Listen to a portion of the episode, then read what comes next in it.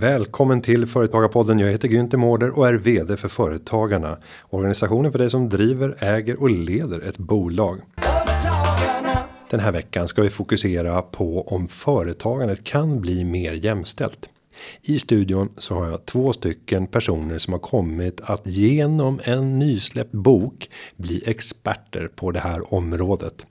Vi ska få möta två stycken investerare vid namn Indra Sharma och Tatiana Chalalvand som är aktuella med boken Kvinnorna som formar vår framtid.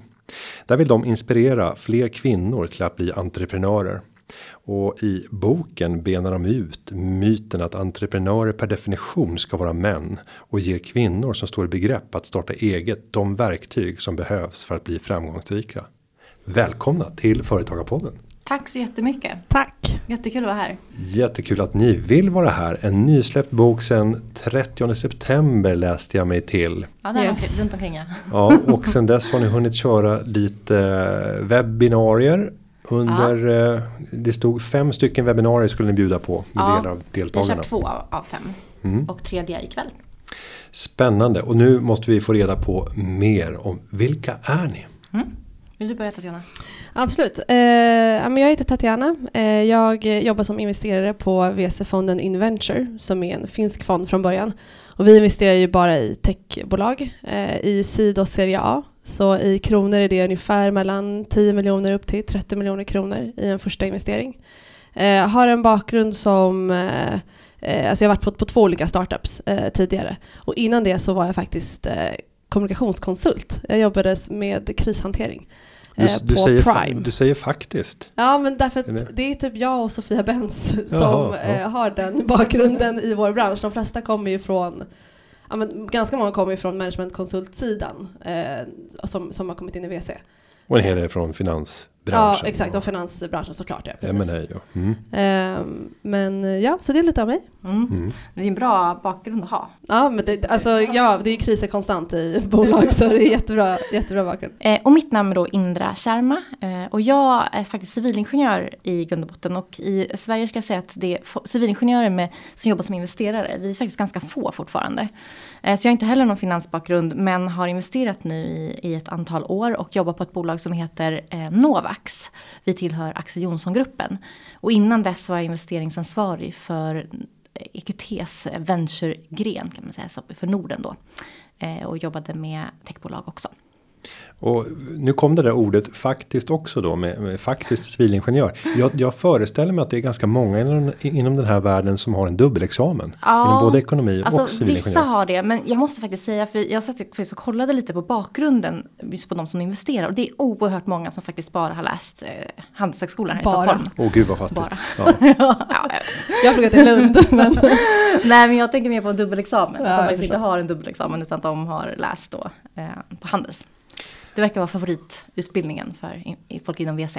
ja, om vi börjar i den ändan. För vi kommer diskutera lite grann nätverk. Och nu konstaterar ni att det nätverket som ni befinner er i som investerare. Verkar eh, vara kraftigt överrepresenterat av personer från en viss skola. Eh, vad betyder det här med nätverken och hur självgenererar de sig själva? Eller hur, hur förstärker de sig själva? Men jag tror att för min del, det tog ganska lång tid innan jag kom in just på att jag faktiskt skulle kunna investera. Jag började inte investera förrän, alltså professionellt då, förrän i 30-årsåldern. Och det tror jag har att göra med att mitt nätverk inte innehöll personer som jobbade just i den här branschen. Och jag tror att när man då har läst på Handelshögskolan, då vet man om att den här möjligheten finns redan tidigt och kan positionera sig mycket bättre för att faktiskt komma in. För det är ganska svårt att få jobb i den här branschen.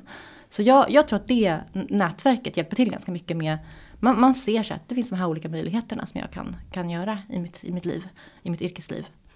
Men också i och med att eh, många av de som framgångsrika VC-investerarna i, i Sverige i alla fall har ju läst på Handels. Så då tror jag också att man kanske vet om, om man pluggar på Handels, att säga, ja men den här personen eh, pluggade tidigare på Handels och är nu liksom den här hotshot-investeraren. Och så att det här är också en väg för mig att gå. En förebild med andra ord. Eh, Jag pluggade i Lund eh, och där var det mycket mer, ekonomprogrammet i Lund, och där var det mycket mer fokus på så här storbolag. Det var, drömmen var att, att få traineeplats på H&M eller eh, vilket jag då inte fick. Vad sa du? Alfa Laval tänker Ja man. men precis, Ja. det var mycket, mycket få. Jag visste liksom inte ens att man kunde jobba med att investera i Nej. techbolag. Nu var det också så här, det är tio år sedan, det är inte så länge sedan. Mm. Eh, och då kanske inte det var lika hett som det är nu. Eh, men, men jag visste liksom inte ens att det, att det fanns och det var absolut ingen i min omgivning eh, som gjorde det. Nej. Alltså om man tittar på liksom mina föräldrar och så, så Mm. var det, är det väldigt långt ifrån den världen. Mm. Så. Och sen antar jag när man rekryterar också, om man då har läst på Handelshögskolan själv och sen träffar kandidater som har läst på samma skola som en själv, då kanske det känns som en trygghet när man rekryterar också. Så är det tveklöst. Kan jag säga. eh, nej men det, det, det finns ju de här gemensamma nämnarna, nämnarna och koderna som gör att man omedelbart bara kan bekräfta att man har någonting gemensamt. Och, och för mig så är det ju att säga 19851. Och då kommer motparten svara med eh, en sifferkombination som är inskrivningsnumret. Som är en kronologisk ordning som då gör att man kan avgöra när personen skrivs in på Handels. Alla sådana där, det skapar ju omedelbart en samhörighet. Om man förstår i vilken tidsperiod handlade det om. Och, så- sånt finns ju överallt. Och beroende på var man är så kommer det vara olika starkt och olika svårt att ta sig in utifrån. Mm. Men nu är jag ju nyfiken på den här boken som vi ska fördjupa oss kring de kunskaper som ni har skaffat er när ni har eh, skapat den. Eh, jag vill gå ett steg bakom och förstå hur kom ni i kontakt med varandra? För det verkar inte vara så att era vägar har gått parallellt bredvid varandra eller att ni är vänner sedan barnsben. Hur sprang ni på varandra och hur föddes intresset av att skriva en bok? Nej men vi, både jag och Indra jobbar som investerare och vi lärde känna varandra för typ två och ett halvt år sedan nu Mm. kanske. Eh, på en investerarfrukost som faktiskt var för kvinnliga investerare. Eh, och då började vi prata och säga, ja ah, men Indra jobbar på EQT, jag jobbar på Inventure, vi borde utbyta dealflow, för det gör man ganska mycket i vår bransch, att man försöker prata om de casen man ser. För EQT då investerar lite senare skede än vad vi gör. Så ni tittade mycket på våra Mm. portföljbolag och jag skickade bolag som var liksom för sena för oss till dig och du Mm. skickade de som var för tidiga för er till oss. Mm. Ehm, och då pratar vi ganska ofta om att vi träffar väldigt, väldigt få kvinnliga entreprenörer. Ofta så träffar man killar som har pluggat på Handels eller KTH, eh, ganska unga, vita. Så det är ofta samma typ. Nu är det of- oftast liksom fantastiskt duktiga entreprenörer vi träffar. Men det är ändå lite tråkigt att alltid träffa samma typ av person. Ehm, och då så anordnade vi ju det här Female Founder Office Hours ehm, i Stockholm någon, en vår, jag minns inte Mm. exakt när det var. Eh, och, och det blev fulltecknat på två dagar. Eh, Mm. och, och vi, jag tror vi var 100 kvinnliga entreprenörer eh, som signade upp sig och, och då pratade vi om så här, hur reser man kapital, så vad ska man tänka på när man reser kapital, vad finns det för olika alternativ och så vidare. Och märkte att så här, gud vilket kunskapsgap det ändå finns här. törst. Vi, ja, och precis, och törst såklart. Eh, kring att starta bolag men också att resa kapital. Eh, och då kände vi så här, vi måste ju få ut den här kunskapen som vi sitter på. För det här är ju inte något som, det är inte, egentligen inte så svårt att tillskansa sig den här Nej. kunskapen. Utan det, borde, det borde vara mycket enklare för folk att liksom få ta del av information om riskkapital och hur man reser kapital eller hur man driver bolag och så vidare. Eh, och då så sa, var det Indra som kom på eh, idén om att vi borde skriva en bok. Mm. Och skälet till det var ju dels att vi ville komma ut till en så stor grupp som möjligt. För vi tror att om vi, om vi har den här fysiska boken, då har vi liksom en helt annan plattform som för att kunna prata om den här boken utanför techscenen. För inom liksom tech och startup-branschen så, så finns det ju, liksom, där, där finns det massa initiativ som pågår kring den här frågan. Mm. Men vi känner att vi vill liksom gå utanför det. Och det är också därför i boken så är det inte bara tech-entreprenörer som, som är med. Eh, och övertygelsen är ju helt enkelt att vi tror inte att vi kommer uppnå jämställdhet om vi inte har både kvinnor och män som startar bolag. Eftersom entreprenörer ju driver vår samhällsutveckling framåt. Och om vi bara har en viss typ av personer som startar bolag, då kommer vi också fortsätta att bygga en värld för en viss typ av personer. Helt enkelt. Och nu så jag menar, kvinnor startar ju bolag och det visar ju vi i våran bok. Men det vi också vill då är att kvin- det ska vara en mer balanserad siffra just mellan antalet kvinnliga och manliga entreprenörer. Eh, och också liksom vilken typ av bolag man startar och att det är väldigt viktigt att förstå att det finns olika vägar att gå. Eh, det finns inte bara VC-kapital eller PE-kapital utan det finns andra typer av kapital och sätt att bygga bolag på. Och det behöver inte vara heller att du ska bygga nästa Spotify eller iSettle utan du kan ha liksom enmansbolag eller du vill ha ett, eh, ett bolag som växer organiskt. Det finns olika sätt att liksom vara entreprenör på. Och vi behöver nog nyansera bilden på hur man bygger bolag på. För i media så pratar man ofta som en viss typ av entreprenör och det är det är den bilden som vi försöker Mm. ändra lite på så att säga. Precis, och vi hoppas ju också att liksom redan i skolan, för jag upplevde inte det när jag pluggade, liksom att man sa så här, antingen kan du starta ett eget bolag och jobba för dig själv, eller så kan du jobba för någon annan i någon annans bolag. Jag upplevde aldrig liksom att det var, det var alltid att man skulle ut och börja jobba på någon annans bolag. Och det tycker jag skulle vara, kanske är annorlunda i skolan idag, men vi hoppas verkligen att det blir så att som olika vägar represent, eh, som representeras för människor, så att man vet redan tidigt att det är det här man kan göra. Och att man faktiskt kan hoppa mellan de karriärbanorna också. Och jag tänker att det har blivit en viss skillnad när det gäller studerande vid de eh, mer tuffare utbildningarna. Om man ställde frågan om vi går tillbaka 20-30 år sedan så var det väldigt få som drömde om ett liv som företagare. Mm. Utan man Absolut. såg de här rollerna inom investment banking mm. eller management consulting hägra framför sig och framförallt de amerikanska firmorna. Men idag när man frågar unga när jag är ute och föreläser på, på mm. föreläsningar så är det ju var och varannan. Jag skulle säga på topputbildningarna ungefär hälften räcker upp handen om man ställer frågan. Mm. Vilka här inne har tänkt att någon gång under sitt liv mm. bli entreprenörer. Om man ska mm. använda ordet entreprenör, kanske inte företagare. Mm. Eh, vad är det som gör det här enorma uppsvinget bland de unga när det gäller synen på att själva bli entreprenörer någon gång under livet?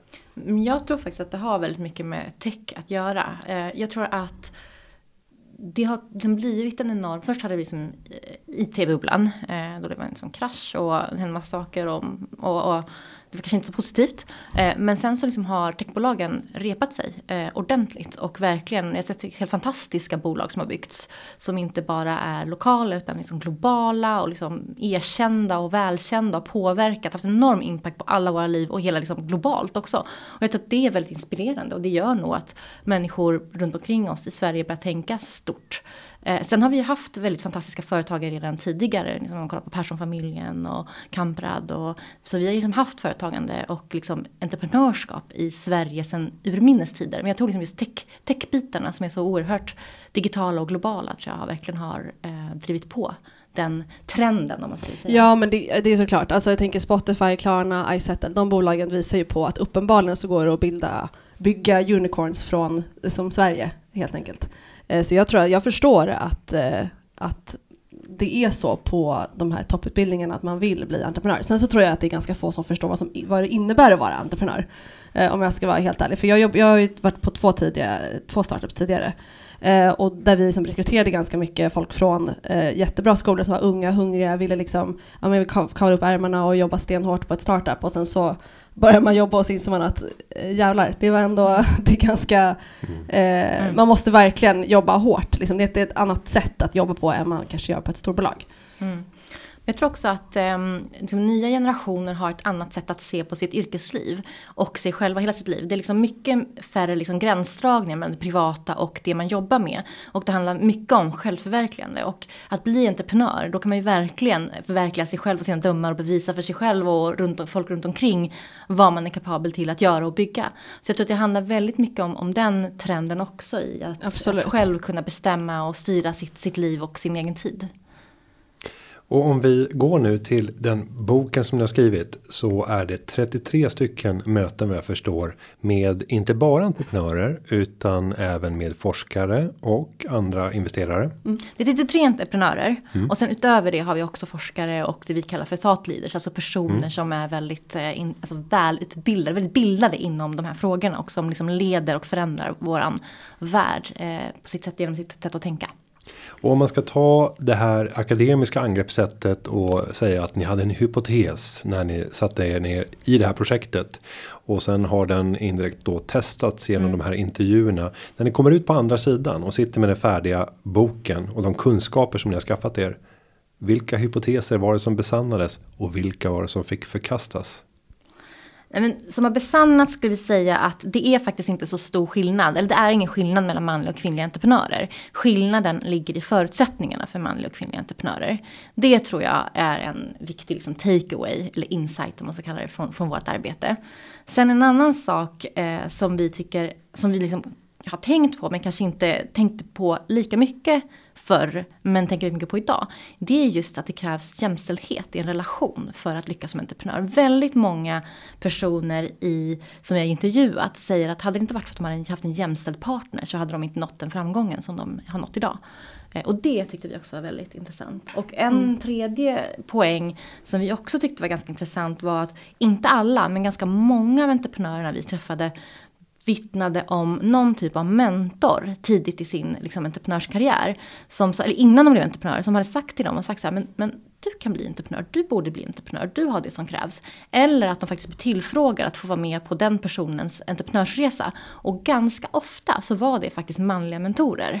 Så liksom det manliga mentorskapets vikt tycker vi också liksom verkligen belystes under våra intervjuer med de här entreprenörerna. Mm. Om vi ska förlänga resonemangen. Tatiana? Nej men jag, jag håller helt med. Det är dels de, de tre stora grejerna. Sen så är det såklart en myt som, som vi har liksom försökt eh, spräcka är ju att kvinnor inte tar lika mycket risk som män. Eh, och det kommer vi säkert prata mer om lite senare. Eh, men det har blivit ganska tydligt att dels, alltså entreprenörer har ju en annan syn på risk. Dels tar man ju kalkylerad risk. Men också att man, eh, ehm, man ser inte eh, liksom det att man startar ett bolag som att ta en risk. För man är så övertygad om sin kapacitet och om att man löser liksom en, en, en ett stort problem med sin produkt eller tjänst. Eh, och det tror jag att vi behöver, för jag träffar fortfarande personer som också är liksom i branschen som, som på riktigt tror att risk är kopplat till kön. Och det är det ju inte. Och det är ju så himla problematiskt, särskilt inom riskkapital. I och med att hela idén med riskkapital är att man investerar i entreprenörer som man tror liksom kommer kunna ta över världen och liksom riska allt för att eh, bygga någonting riktigt, riktigt stort och kan tänka stort. Men om då den allmänna uppfattningen är att kvinnor inte riktigt har vad som krävs för att göra det, då är det inte så konstigt att bara 2% av riskkapitalet går till Eh, kvinnor. Så det är ju en sån som, myt som vi redan, vi visste ju det innan att det är klart att det inte kan vara så himla stor skillnad. Det är mm. snarare miljö och genetik. Men vi, vi tog ju tag i det och som mm. träffade eh, forskare på frågan för att verkligen förstå liksom, vad är det som gör att vi tror att kvinnor tar mindre risk och är det faktiskt så eller inte? Och, och så visar det sig då att det inte, att det inte är så. Mm. Och det, jag tänker att jag får utmana lite grann mm. utifrån min gamla vardag och verklighet från finanssektorn. Eh, jag satt ju på Nordnet innan jag kom hit och då hade jag 500 000 sparare som jag kunde följa i en databas. Så jag kunde se exakt hur de investerade. Jag kunde se hur mycket kapital de hade, vilka lån som fanns, hur mycket månadssparande de hade. Och då kunde jag dela upp de här i olika kvotgrupper för, för att jämföra. Eh, och då tittar jag på personer som tjänar lika mycket, har lika mycket i månadsinsättningar och eh, lika stora skulder och lika hög inkomst. Och då kunde jag särskilja män och kvinnor där och se att kvinnorna hade en väsentligt mycket lägre risk när jag ackumulerade deras portföljer med mycket högre andel räntebärande sparande. Trots att förutsättningarna såg likadana ut utifrån alla de faktorer som jag tittade på. I förhållande till männen som hade väldigt mycket mer aktier och inte vilka aktier som helst utan man var i aktier med relativt sett hög risk. Rätt så få stabila lönsamma bolag som hade en schysst direktavkastning utan det var mer av förhoppnings och projektkaraktär. Det var bära eller brista. De var kraftigt överrepresenterade i männens portfölj. Vad berättar det här? En sån typ av finding. Mm. Nej, men vi frågade faktiskt det, för att väldigt mycket av den forskning som görs som visar på att det finns eh, en koppling då mellan kön och risk det tydligen så är det så att det är inte kausala samband utan det är korrelationssamband. Och det är det som det här forskarteamet då som har tittat på som består av forskare från Handelshögskolan och Karolinska institutet och även MIT. De hade då också en, en, en hypotes om att risk bland annat och altruism och tittade på massa olika aspekter var kopplat till just kön. Men efter att ha gjort sin eh, research och sin forskning så har de kommit fram till att det stämmer inte för att det är korrelationssamband och inte kausala samband. Och det, vi frågade så här, men, men varför varför är det så mycket forskning då som tyder på det här? Vad, vad ska man säga om det? Och då sa eh, eh den forskaren som vi pratade med, han sa så här, den forskningen som har gjorts hittills har gjorts just på korrelationssamband. Så den kan man faktiskt förkasta för att det säger egentligen inte alls mycket. Utan de kommer göra ännu en studie nu som kommer vara mycket, mycket större. Eh, som, och de vill då visa på att just det inte finns kausala samband mellan kön och risk. Och de här korrelationerna om vi då ska mm. härleda vad de kommer till. För då tänker jag mig att forskarna säger att det är miljömässigt betingat. Ja. Det är saker som har hänt tidigare ja. och förväntningar om vad som komma skall. Mm. Eh, som kommer påverka besluten här och nu. Och det var ju det som jag sökte efter. Genom att när jag såg den här, de här skillnaderna och har arbetat hela livet innan jag kom in i, i företagarna på den aktiemarknaden. Mm. Så vill jag söka svar på vad det är som gör att aktiesparandet är så fullständigt ojämställt. Mm. Eh, och då började jag söka mig tillbaka och tittade redan från förskolan och hur mm. man behandlar mm. små pojkar och små flickor mm. olika och kunde se hur det här följdes åt under hela förskoleperioden in i skolans värld och där det fanns många osynliga signaler som manar många av pojkarna till att välja det mer riskfyllda alternativet eller där man mm. kan påheja ett riskfyllt beteende. Eh, och jag brukar ibland använda det symboliska äppelträdet. Mm. Eh, när pojken klättrar upp i det så får man beröm. Oj vad duktig, vad högt upp du kan klättra. Sen kommer det samma dag en tjej som klättrar upp i trädet. Var försiktig, mm. var försiktig. Mm. Säg till om jag, om, om jag ska hjälpa dig att komma ner. Mm. De här små, små signalerna. Men som cementerar en uppfattning om hur man ska vara. Mm. Vad, vad ja, men det där är så himla intressant. Vi, vi, har skrivit en del om det där i boken. Och en annan sak som man också har tittat på på skolbarn det är att pojkar får ungefär åtta gånger fler tillsägelser i klassrummet än flickor.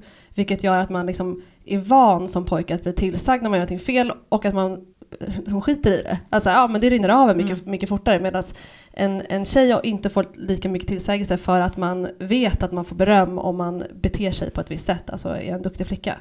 Eh, och det, menar, det är inte så konstigt att, att män är mer bekväma med att liksom break the rules då, även i vuxen ålder än kvinnor. Och det är ju en jätteviktig egenskap när man är entreprenör. Man måste ju jämt tänka utanför boxen och vara van vid att få kritik och vara van vid att förlora och att liksom kunna ta sig upp igen och, eh, och fortsätta. Så, så alltså, det finns väldigt mycket som vi behöver ändra på i som, mm. hur vi behandlar pojkar och flickor. Mm. Eh, och det där är ju liksom lättare sagt än gjort såklart. Det är ingenting man bara liksom, mm. jag, jag kämpar själv med det, men jag har två döttrar. Eh, med hur, liksom, hur jag pratar med mina döttrar. Mm. Och nu har, har det nämnts ett tal, 2% av riskkapitalet går till företag med enbart kvinnor som grundare. Och sen ser andelen lite högre ut om det är en blandad mm. eh, mm. grundarkonstellation. Tittar vi på andelen företag som startas av en kvinna så ligger vi på drygt 30 33% av aktiebolagen. Eh, sen på enskild firma så är det väsentligt mycket högre bland kvinnor. Vad tror ni skulle vara de viktigaste insatserna vi kan göra i det här landet för att kunna göra företagandet mer jämställt? Nej, men vi har tittat. Det finns massa saker man kan göra, mm. eh, men några viktiga saker som vi tycker eh, som vi trycker mycket på. Det är bland annat så vill vi eh, att man pratar om bias på investerarsidan, alltså där vi sitter. Den omedvetna biasen. Ja, precis. Så helt enkelt de fördomar vi har som vi kanske inte är helt medvetna om när vi träffar en människa. För att när vi sitter och investerar så gör vi subjektiva bedömningar hela tiden. Det är det våra investeringsbeslut baseras på. Eh, och så är det i stort sett i varenda investeringsorganisation globalt. Eh, sen försöker man vara mer datadriven men det är fortfarande en bedömning av entreprenören som vi gör. Så att vara medveten om vilka fördomar man har tror vi är väldigt, väldigt viktigt. Ehm, vi tror också att det är väldigt viktigt att, eh, att bredda sina nätverk. Ehm, det är väldigt lätt att man tar luncher med de man känner, de man trivs med och många gånger är de personerna väldigt lika en själva. Och där tror vi att det blir väldigt viktigt för de som sitter på makt att faktiskt tänka sig så här, vilka äter jag lunch med? Kanske borde jag liksom bredda mitt nätverk och inkludera lite andra typer av människor i det här nätverket. Och jobba liksom proaktivt med att hitta rätt entreprenörer. För att det är väldigt lätt att sitta och säga så här, men jag ser inga kvinnor i mitt dealflöde. De kommer inte till oss. Men ditt jobb som investerare är faktiskt att hitta de bästa bolagen. Du har ju fått pengar, eh, det är ditt ansvar att försöka gå ut och hitta de bästa bolagen. Så att liksom verkligen jobba proaktivt tror vi är väldigt viktigt också. Eh, nu är det här liksom väldigt mycket om våran bransch. Eh, mm. Men vi tror också en annan sak är att dela med sig av sitt nätverk. Så många av de kvinnorna vi träffade i boken hade ju faktiskt haft en mentor som har delat med sig av, varit jättegenerösa med sitt kunskapskapital. Men också med de människor de känner och öppnat dörrar. Och jag tror att det är en väldigt viktig del att både kvinnor och män inkluderar kvinnor i det nätverket. Därför att en entreprenör är väldigt beroende av sina kontakter och lyckan och framgången kan faktiskt baseras väldigt mycket på att en, en viss dörr öppnas för en.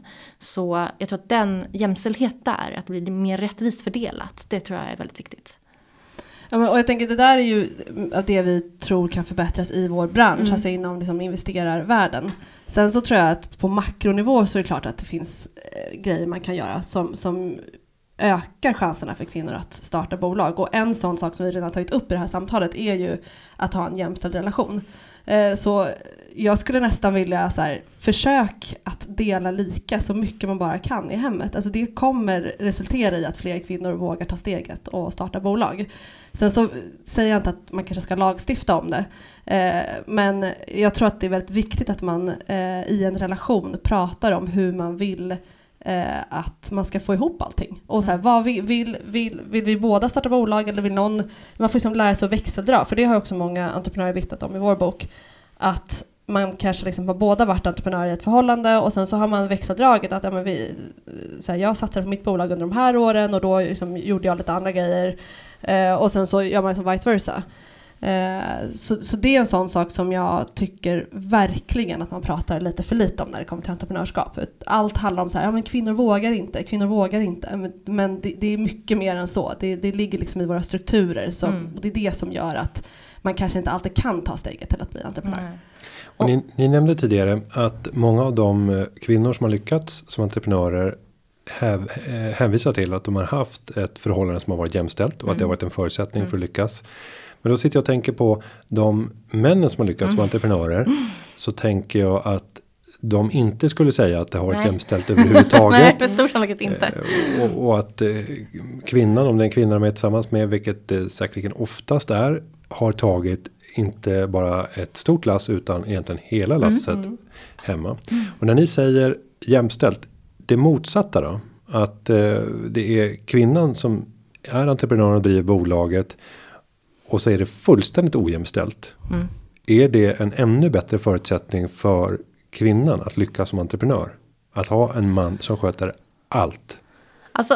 Kanske, alltså, Ja, om det jag ska vara helt ärlig, kanske så är det så. För jag menar, du har mer tid då helt enkelt. Så, Ja, visst är det så. Ja, absolut, så skulle och, och, det kunna och vara. det blir liksom. ju lite tråkigt när man uttrycker det på det sättet. Ja, nej men så är det ju liksom. Eh, samtidigt så tror jag att det är så himla mycket mer i en relation eh, än just bara den delen. Eh, och jag tror att väldigt många vill faktiskt ha ett partnerskap. Eh, idag kan kvinnor skaffa barn själva, de behöver inte män till det. Eh, kvinnor kan, har, de tjänar pengar, kvinnor, eh, vi kan bygga bolag, vi kan sitta i politiken, vi kan sitta på höga positioner i näringslivet. Det vi behöver män till, det är ett partnerskap. Det, det är ett lite umgänge på kvällen. varva ner. Sen Nej men kärlek och partnerskap, det, det är det jag vill ha i min, jag är heterosexuell då, men det är det jag vill ha i min relation med, med min man. Ja. Vi har blivit oerhört marginaliserade med män.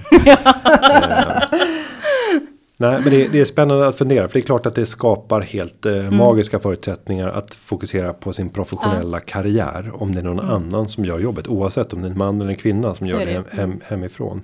Men- Men, men, men inställningen, och då vänder jag på det och säger så här. Att helt och fullt delegera och outsourca det mesta man har i sitt privata liv. Har Mm. ni tittat på det då? När man tar hjälp i alla områden. Du har någon som Mm. hjälper till med barn, Ja, städning, matlagning.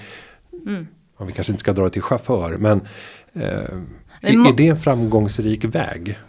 Nej, Jag, alltså, jag, jag tror så här, det finns ju, eh, först och främst finns det ju inget recept på en framgångsrik väg. Utan det, allting funkar som olika för, för alla helt enkelt. Och jag tror att för vissa så är det ju att såklart ta så mycket hjälp som det bara går. Och det har ju några av de entreprenörerna vi har Mm. träffat gjort. Och det har funkat liksom jättebra för dem.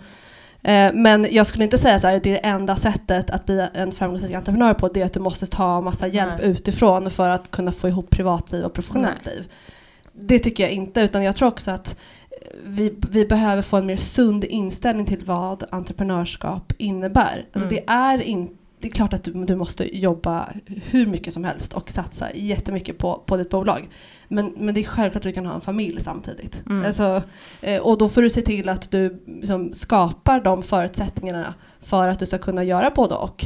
Helt enkelt. Till exempel ha en, en, försöka ha en jämställd man eller ta hjälp om det går från liksom, nära och kära eller Mm. köp in hjälp om du har råd med det. Mm. Det finns så många olika sätt att göra det på. Det är mer att det vi försöker rucka på det är det här att Många pratar om att ja, men, företaget är min baby, det är det enda jag fokuserar på. Liksom, det enda jag gör är att jobba dygnet runt. Och så är det inte. Som alla de här entreprenörerna har ju familj också Mm. som är väldigt framgångsrika. Men Och de umgås med vänner, de spelar tennis och Padel golf. är det för tiden, i och för sig. Ja, så är det kanske.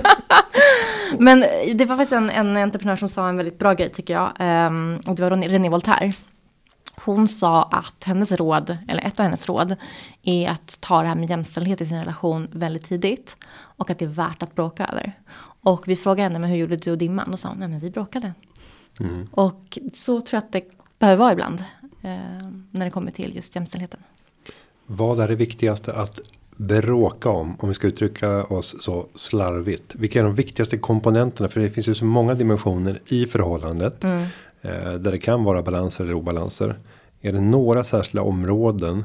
Ja, allt ifrån så här tidsdisposition. Så här vem som hämtar och Ja. lämnar barnen. Alltså, Ansvar för middagen. Ja. Skjutsningar till och från ja men, aktiviteter. alltså alla de sakerna. Ekonomin.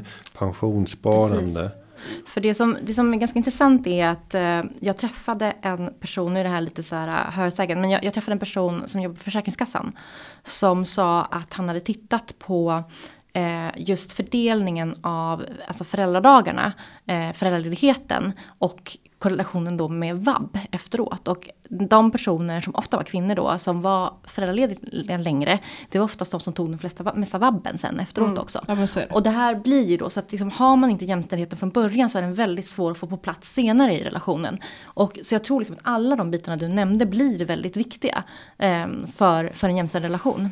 Ja, och det, det var det jag skulle säga. Jag tror att det, det första man ska bråka om det är att försöka dela eh, lika med föräldraledigheten. Eh, nu, nu blir det ju väldigt mycket snack om det här, men det är också, jag och Indra är ju båda föräldralediga just nu, så jag tror att vi kanske är, tycker att det är extra intressant av, den, eh, av det skälet också. Men det är det första, att försöka dela så lika som det bara går när du, när du har ett nyfött barn, för då får båda förståelse för hur det är att ta hand om ett barn och att Mm. det inte är att vara ledig. Eh, Jag hade ju jättegärna jobbat nu kan jag säga. I våras när jag hade liksom en ko- en kolikdotter hade jag jättegärna jobbat och jobbat med boken Ja. eh, än att göra det samtidigt som jag hade kolikbarn. Eh, Så, så jag tror, då får man liksom båda förståelse för hur det är att vara hemma. Och sen när kolikerna släppt. Då tar han vid nu. Och så bara, det här var ju hur skönt som helst. Ja precis, exakt. Alla rutiner inne och sådär. Ja, men vi ska lämna det området och gå in till frågan om riskkapital. Eh, Vi vet att det är väldigt lite av riskkapitalet som hamnar hos eh, företag grundade av kvinnor. Vad är det vi bör göra? Om vi börjar från branschen, för ni kommer ju från Mm. branschen som kontrollerar riskkapital. Mm. Vad är de viktigaste insatserna som branschen kan göra för att eh, balansera ut de här ojämlikheterna? Men vi måste jobba med det som vi nämnde tidigare, väldigt mycket vår omedvetna bias. Så vi som Mm. sitter på investerarsidan, vi måste utbilda oss. Eh, och det tycker jag att Det gäller alla, män och kvinnor. Ja, och jag, precis, män och kvinnor. Och jag tycker att det är jätteviktigt att alla organisationer tar tag i det. Eh, och vi vet, eh, vi träffade ju Per-Jörgen Persson på Northzone. De går ju utbildningar i detta för att bli bättre. Eh, och det tror jag liksom är så vi måste göra. Eh, och jag tror också att det som är viktigt är att inkludera en, att få mer mångfald även i investeringsorganisationerna. Eh, Unconventional Ventures gjorde, har ju kommit ut med en rapport nu eh, som visar att de investeringsorganisationer som har kvinnor på beslutsfattande positioner, det är ungefär 11 procent av alla de eh, VC-aktörer som investerar i Norden som har det. Eh, eller 11 procent av personerna som sitter på beslutsfattande p- positioner är kvinnor. Eh, de har också mer mångfald i sina portföljer. Mm. Så det behövs såklart göra mer eh, research på det. Men, men det är ganska talande ändå. Och det tror jag är väldigt viktigt. Ja, nej men de, de två grejerna är de Mm. absolut viktigaste. Men jag tror att det här med unconscious bias är alltså det är också viktigt för att vi behöver få män som investerar i kvinnor. Alltså vi, man kan inte heller alltid använda argumentet att vi Mm. Nej. behöver ha fler kvinnor på partnernivå i, i fonderna. Utan, vi- vilket såklart är viktigt Mm. av massa andra skäl. Men inte bara för att vi ska investera i fler kvinnor. Utan män måste ju också kunna investera i Mm. kvinnor och tro på eh, på kvinnor. Och nu ser vi ju, alltså jag tror att den här Unconventional Ventures-rapporten visade att 30% av eh, riskkapitalet under våren 2020 har gått till mixade teams i Norden. Eh, och det är ju, alltså, då blir man ju jätteglad när man Mm. läser en sån siffra. För det känns som att okej, men här har det ju hänt någonting. Men om man tittar de senaste fyra åren så ligger det fortfarande på ungefär 2% Mm. för, för eh, he- alltså all female teams då. Sen kan jag bli lite allergisk när jag läser studier som det rapporteras om i tidningar. Där det ibland kan vara rubriker som att bolag med en kvinna som vd uppvisar högre lönsamhet. Eller lägre konkursrisk om eh, ordföranden och grundaren är en kvinna. Mm. För då blir jag instinktivt så här. Ja, men är det här grunden till att vi ska ha mer jämställda bolag? Vad skulle hända då om det kom fram med en studie som visade att det var tvärtom. Mm. Skulle vi då kämpa för motsatsen? Mm. Mm. Eh, att det handlar om någonting högre, någonting större, ja, någonting mm. viktigare. Mm. Och då får man aldrig låta sig förpassas Nej. till så enkla slutsatser som att den här studien visar att det är bra. Eh, för då skulle man indirekt kunna säga att vi behöver inte göra någonting. Nej. Om bolag som leds av kvinnor har en högre lönsamhet. Ja då kommer marknadsekonomin mm. att lösa den här mm. frågan automatiskt. Mm. Och så enkelt tror inte jag att det är. Nej men jag håller med. Men jag tror att mycket varför man lyfter upp den typen av studier är för att det har varit väldigt svårt att få gehör för den här typen av mm. fråga. Och när man börjar prata om resultat då är företagsledare mycket mer mm. villiga att lyssna. Så jag tror att det är så pass enkel förklaring till varför man lyfter upp de här siffrorna. Men jag håller helt med dig. Jag tycker, eller vi tycker liksom att det här handlar ju om långsiktig jämställdhet i våran, i våran värld. Om vi inte, män och kvinnor tillsammans bygger vår framtid så kommer vi fortsätta ha en, en värld som är byggd av män för män. Och det, det vill inte jag. Nej, nej men vi, och, så här, det är 2020 och vi lever i en sån värld idag. Så, så vi känner att nu är det faktiskt dags att ändra på det. Um, ja, nej, men jag, jag, blir också lite provocerad när jag läser sådana artiklar som du, som du nämnde. Men, men precis som Indra säger så tror jag också att det är det sättet man får gehör på. Mm. Uh, men det man egentligen vill skriva om det är så här, vi måste bygga produkter och tjänster som passar till alla samhällsgrupper, inte bara mm. för en viss samhällsgrupp. Men uppenbarligen tycker inte, det har man ju sagt hur länge som helst, men det är ju ingen som har tyckt att det har varit intressant nog att skriva om, verkar det som. Vi kan ju bara ta ett exempel, liksom, för många undrar liksom, när man säger så här, men vad då påverkar vår framtid och vi förstår inte. Men man tittar på hälsa exempelvis. Så redan idag så är det en, en ojämlikhet, det finns en ojämlikhet i vården. Det vill säga forskning och, och, och statistik visar på att män, män, generellt sett får en bättre vård än vad kvinnor generellt sett får i Sverige. Och det här är liksom en klyfta som existerar och den finns även i resten av Europa också. Vilket WHO och FN, de har ju sagt att just kvinnors hälsa är en, som de kallar human rights issue, även i Europa. Och det som är intressant här är ju att om då väldigt mycket forskningsanslag går till eh, manliga forskare. Eh, produkterna testas och byggs efter manlig anatomi. Eh, om vi har så redan idag och sen kommer techbolag vara det som driver vidare utvecklingen inom även hälsa.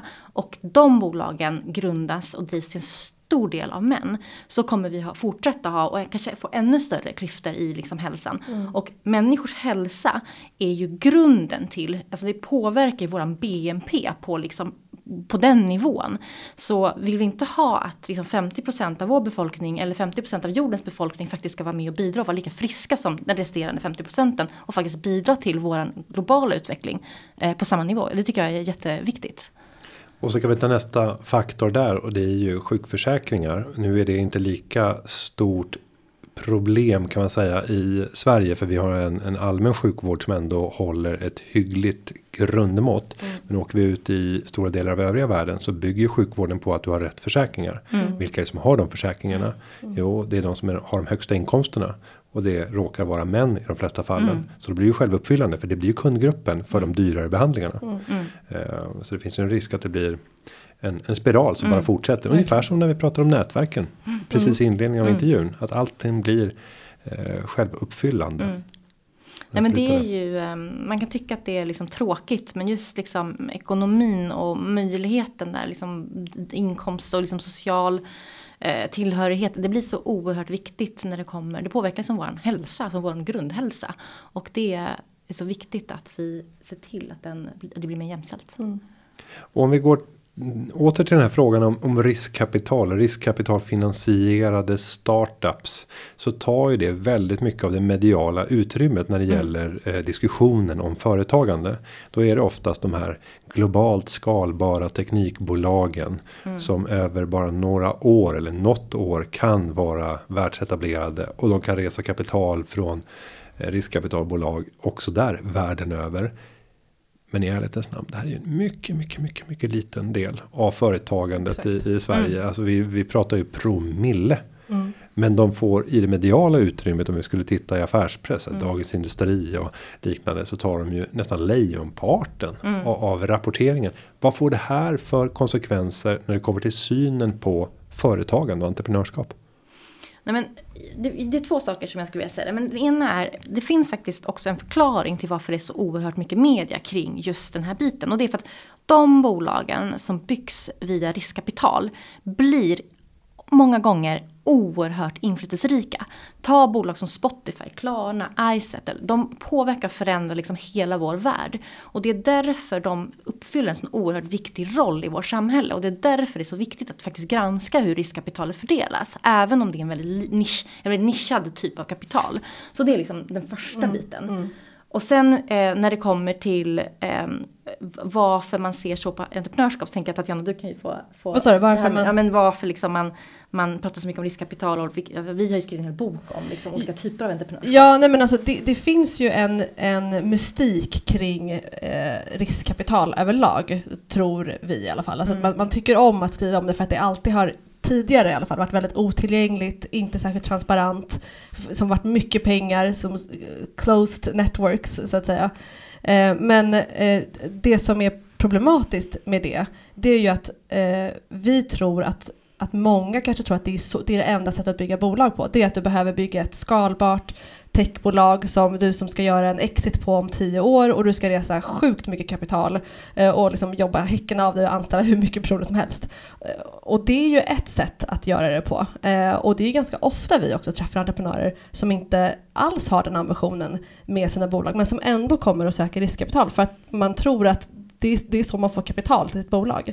Eh, och där tror jag att eh, media, eh, men även vi som mm. investerare, mm. har som uppgift att också utbilda folk i så vad, vad, finns det för olika typer av kapital som man kan få och, och vad lämpar sig bäst för beroende på vilket bolag du vill bygga.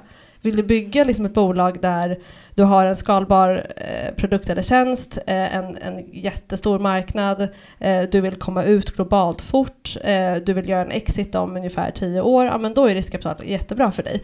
Men vill du bygga ett bolag som du äger till 100% själv och kontrollerar själv eh, och vill ha en organisk tillväxt, då ska du verkligen inte ta in riskkapital. Och om du gör det eh, så kommer det bli jättejobbigt för dig sen mm. om du inte växer som 3x mm. var, varje år.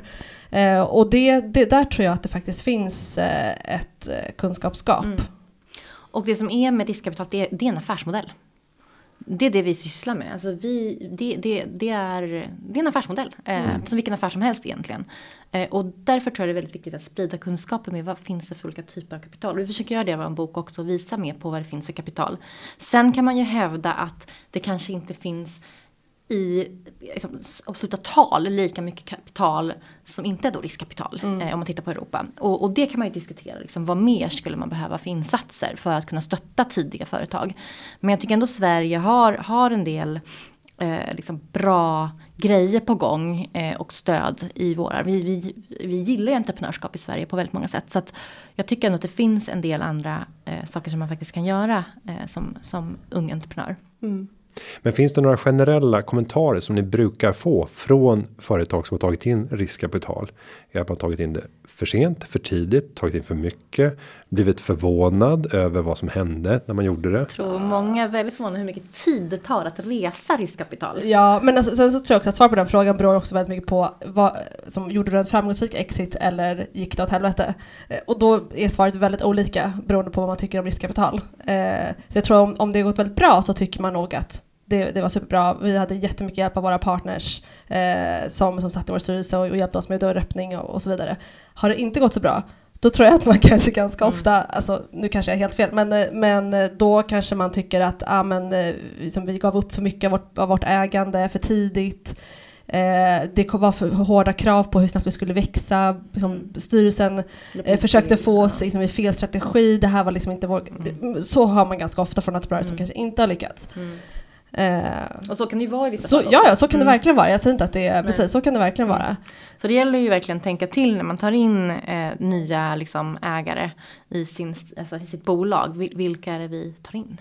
Mm. Ja, och ta inte in vilka pengar som helst. Nej. Utan så här, om du nu ska gå den resan och ta in riskkapital så gör en due diligence på den partnern eller den personen som kommer sitta i din styrelse lika mycket som vi då gör due diligence på bolaget. Men hur gör man det här då? Man kontaktar bolag som inte det har gått jättebra för. Ja. man tittar på portföljen och sen så hör Och man så av sig till de man. kunderna. Och så Och, in, och inte ens ställa frågor om att ta referenser utan bara lyfta luren själv. man kan, det är ju alltid bättre om man får en, eh, för jag menar, tänk dig själv, om du har blivit uppringd från någon som du inte känner, då kanske du inte är lika villig att vara öppen med vad du tycker och tänker. Men om du får en introduktion från mig till exempel, då känner jag så här, men gud Indra, hon är så jävla grym. så alla hon introducerar, det kan jag prata med. Nej men du förstår vad jag menar. Ja. Jo men, Så- men det så- tror jag. Men, men sen så precis som du var inne på. En sak som nog förvånar väldigt många det är att det tar jättemycket tid att resa riskkapital. Eh, och sen så beror det såklart på vad du, liksom, hur, hur det har gått för bolaget tidigare. Om, om, om det går superbra för dig just nu och du redan har en liksom, väldigt prominent eh, VC-aktör inne som ägare, ja, men då kanske det kommer gå lite fortare för att så här, ja, alla vill investera i det. Men ofta så, så måste du räkna med att det tar minst sex månader att få in riskkapital. Och det tar kanske 90% av din tid som, som VD. Och är du VD för ett bolag som reser mycket riskkapital och som ska gå den resan, då kommer du antagligen lägga majoriteten av din tid på att resa pengar. Mm. Eh, kanske inte att bygga produkt, utan det får du hitta andra personer Mm. som kanske till och med är duktigare än dig själv på att göra det. Och också att eh, ha kontakten med alla, eh, i, alltså alla dina då investerare. Att liksom sköta den kontakten och den dialogen tar också väldigt mycket tid. Sen är min, mitt intryck av, av egna erfarenheter att de här första 90% innan man har slutit en affär eh, upplever jag tar normalt sett bara så här 10% av tiden. Du kommer väldigt snabbt till att vara 90% färdig med en ny potentiell delägare. De sista 10 procenten.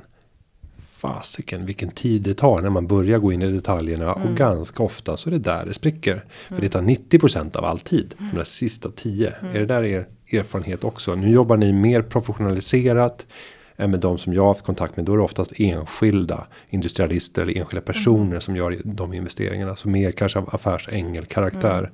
Men eh, Jag tycker att det är olika Ja. beroende på bolag. Jag tror också det är Ehm, olika. Det beror på, alltså om du har kommit till term sheet nivå så att du har fått ett term sheet eh, som alltså är liksom ett avtal som visar på intentionen att jag som, som investerare vill investera i ett bolag. Då brukar det vara ganska smidigt efteråt om det inte kommer upp någonting eh, allvarligt under due diligence-processen. Eh, och sen så är det såklart att du behöver komma överens om, eh, om saker och ting i, i aktieägaravtalet. Men det kan ta tid, men jag tror, att- jag tror att många entreprenörer snarare tycker att det är svårt att ens få ett term sheet. Alltså att komma till den nivån där, där du, och helst av allt vill du ha flera term sheets så att det är lite konkurrens. Eh, så att du kan välja vilken investerare du ska ta in. Oftast så är det kanske inte så. Nej. Och jag tror att det beror väldigt mycket på liksom vilken typ av bolag också. Är det liksom ett bolag som ett deep tech-bolag kanske du behöver titta på algoritmerna och förstå. Det kan ta jättelång tid att utvärdera det. Medan som det är en så här direct to consumer så är det en helt annan dynamik. Så, och det beror också på vilken investerare det är. Vissa gillar att grotta sig ner sig i de här algoritmerna. Andra liksom gör och inte vad det. menar vi med deep tech? Det låter väldigt djupt tekniskt. Ja men Det, det är djupt tekniskt. Och Ja. det det handlar om egentligen är att man tar eh, det som kallas för machine learning, maskininlärning till liksom nästa nivå. Det vill säga man jobbar väldigt mycket med AI. Eh, så man har en, en avancerad eh, teknik och intelligens. Och det bakomliggande då behöver man förstå många gånger. Eh, och vissa vill djupdyka i det för att förstå väldigt ordentligt. Och andra eh, litar mer på kanske vad bolaget berättar. Men om ni avslutningsvis ska få ge några tips till framförallt de kvinnor som lyssnar och som kanske idag driver bolag eller funderar på att starta bolag och tänker att jag vill ha möjligheten att kunna attrahera externt kapital. Vad är de sammanfattande tipsen som ni ger till de här kvinnorna? Det beror på vilken typ av kapital man vill ta in då. Men Mm. om man vill ta in då riskkapital. Då gäller det att man, bygg, alltså att man vill bygga en, en, global, skalba, en global skalbar affär. Eh, som kan bli väldigt stor. Så det handlar väldigt mycket om ambition. Och det man ska göra då det är att man ska öva på att berätta om den här ambitionen. På ett sätt som någon lättsmält kan ta till sig. Eh, det tror jag är väldigt viktigt. Eh, och inte liksom vara liksom för, alltså för blygsam och inte liksom heller överdriva för mycket. Utan göra det liksom på en, en, bra, en bra nivå. Sen tror jag också att det är jätteviktigt att du bygger rätt grundarteam. Mm. Eh, där du har ett team där ni kompletterar varandra, både liksom personlighetsmässigt men även liksom skillsmässigt. Att du har någon som är liksom teknisk, eh, att du har någon som fokar på affären. Det, det är de två viktigaste bitarna. Men, men vi rekommenderar verkligen att inte göra det själv. För att som, särskilt som, som investerare inom riskkapital så vill du investera i ett, i ett team och helst inte i en one man show. Mm. Och det brukar vara liksom fem grejer man tittar på med teamet. Vi, vi pratar en del om det här i boken också. Men delvis är det då ambitionen. Vad är liksom, hur, hur ambitiösa är de här? Man pratar om ambition. Då. Hur, hur stort kan det här bolaget bli? Och är det här liksom rätt team att kunna bygga och nå den, den ambitionen? Och då, det inkluderar också visionen för bolaget. Och sen brukar man prata om liksom team dynamics. Det vill säga hur det, det Tatjana nämnde, hur kompletterar det här teamet varandra och hur kommer de kunna konkurrera mot, för att om det är någonting som går väldigt bra så kommer du ha jättemånga konkurrenter ganska snabbt på marknaden om de inte redan finns där. Så hur kommer de kunna konkurrera mot de här eh, copycatsen om, om de dyker upp. Och sen också just storytelling, alltså man mm. måste vara duktig på att pitcha, man måste vara duktig på att pitcha på engelska för att man måste kunna sälja in det här till globala VCs på sikt. Mm. Eh, och man behöver vara duktig på att exekvera och få saker att hända och liksom nå alla sina mål. Och eh, sen brukar man ofta säga sig att det finns en så här fit, att man ska passa då till det liksom riskkapitalbolaget som tittar på. Eh, man ska dela liksom värderingar och känna att man liksom funkar bra ihop med den partnern som vill, mm. som vill investera. Mm, så det är ju på, på teamnivå. Mm. Sen så är det såklart att du har en skalbar produkt. Mm. En, en um, rätt unik produkt. Den behöver inte vara superunik egentligen. Men den, det ska ändå vara, vad är det som gör att den här produkten är bättre än, än alla andra? Eh, och sen så som du redan var inne på, möjligheten att execute. Mm. Mm. Flera bra tips. Mm. Indra och Tatiana, stort tack för att ni kom till Företagarpodden. Tack så mycket. Och för er som nu är nyfikna på att ta del av alla de här samtalen som ni har haft. Eh, ja, spring iväg och eh, köp. Gör man det bäst digitalt eller går man till en bokhandel? Ja, kan göra både och. Men enklast är väl att klicka hem det från ett Libris eller Bokus. Mm. Kvinnorna som formar vår framtid. Akademibokhandeln också om man gillar att gå i fysiska butiker. Ja. Så fortsätt att inspireras, läs boken och titta även vilka webbinarier som kommer. För att mm. när det här går ut i sändning så är det fortfarande en eller två stycken webbinarier kvar och kanske får ni mer smak så att ni bara mm. fortsätter. Mm. Eh, ge all kärlek om ni tycker att det är bra med webbinarierna. Ja. För jag vet att när man får mycket respons då tycker man det är roligt att fortsätta. Ja, och de finns ju faktiskt på förebilderna eller våran insta som heter före.bilderna. Eh, så man kan lyssna på dem. Och se efterhand. Stort tack för att ni var med. Tack så, tack så mycket. Och jag ska säga att podden den har förberetts av David Hagen och klippningen den är gjord av Petra Chu. Vill ni ha mer information om eh, hur det är att starta, driva, utveckla bolag så gå in på företagarna.se. Där finns det mängder av nya tips. Vi hörs igen nästa vecka som alltid. Ha det gott. Hej då! Företagarna. Ja, ja, ja, ja, ja, ja. Företagarna. Ja, ja, ja, ja, ja, ja.